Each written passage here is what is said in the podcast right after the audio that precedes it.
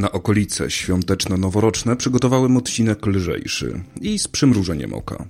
Nie znaczy to jednak, że potraktowałem temat po łebkach, gdyż czasem najbardziej szalone teorie mogą mieć w sobie ziarno prawdy i warto je traktować poważnie.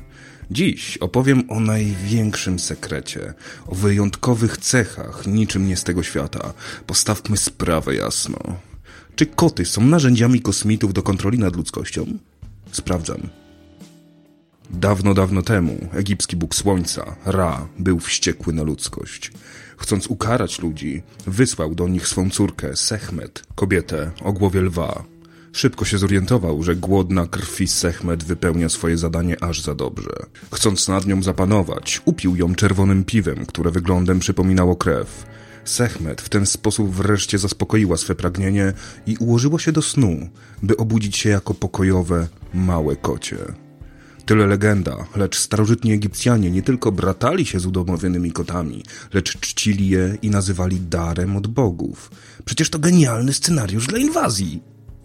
W ludzkiej świadomości pokutuje przekonanie, że zaawansowanej cywilizacji musi towarzyszyć nowoczesna technologia. Kosmita musi mieć statek kosmiczny, pistolet laserowy, automatyczne wycieraczki, kamery cofania i komputer. Przyszłością jednak mogą się okazać biokomputery. Wykorzystanie cech życia, takich jak choćby rozmnażanie, może nam nieco poprzestawiać w otaczającym nas świecie. Co więcej, nie jest to jedynie fantastyka. W 2013 roku zespół bioinżynierów z Uniwersytetu Stanfordskiego ogłosił, że udało im się skonstruować biologiczny odpowiednik tranzystora. Mamy wszystkie niezbędne kawałki układanki, zostaje nam ją tylko złożyć, a potem ulepszyć. Czemu mówię o tym w kontekście kocich sekretów?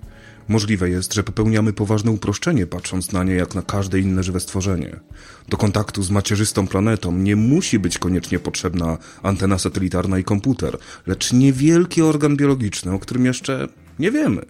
Otwiera to bezmiar nowych możliwości i tłumaczy parę kocich dziwactw, jak choćby uporczywe włażenia na laptopa. Co jeśli nie robią tego dla ciepła, lecz aby zgrać nasze dane z dysku? A co jeśli bym ci powiedział, że podpatrujemy u kotów nowoczesne rozwiązania inżynieryjne? Otwórz oczy i obudź się! Cofnijmy się do 1969 roku, który zapisał się w historii nauki lądowaniem na Księżycu. Nie było to jednak jedyne osiągnięcie najtęższych umysłów tego świata w tym czasie. Wynaleziono drukarkę laserową, odkryto strukturę insuliny, zaprezentowano teorię strun oraz opisano, w jaki sposób koty spadają na cztery łapy, nie łamiąc zasady zachowania momentu pędu. Spadający kot jako układ izolowany nie powinien móc się bezkarnie obrócić w ramach znanej nam fizyki, jednak tylko w sytuacji, gdyby był bryłą sztywną. Obserwując jednak opadanie kota, można zauważyć, że jego przednia i tylna część poruszają się niezależnie, mając niezerowy moment pędu. Zatem mogą się obrócić, zaś całość kota moment pędu zachowuje. Zjawisko to wykorzystywane jest m.in. w konstrukcji teleskopu Hubble'a, który zawieszony w przestrzeni kosmicznej wiele razy musiał się obracać, używając do tego jak najmniej energii. Czy czasem to już nie wystarczy, by wreszcie głośno powiedzieć, że kosmici poprzez koty przekazali nam technologię, która ułatwiła nam podbój kosmosu? Nieco później, bo w 1991 roku, czyli rok po umieszczeniu teleskopu Hubble na orbicie, kolejna kocia tajemnica została odkryta. Udało nam się zrozumieć w jaki sposób od strony biologicznej mruczą koty. Odnośnik do wyników badań, jak i do innych źródeł, na których się opieram, znajdziesz jak zwykle w opisie odcinka. Musieliśmy jednak czekać do roku 2003, czyli do momentu, kiedy wielki zderzacz hadronów już był w połowie ukończony, by zacząć snuć uzasadnione przypuszczenia, po co koty mruczą.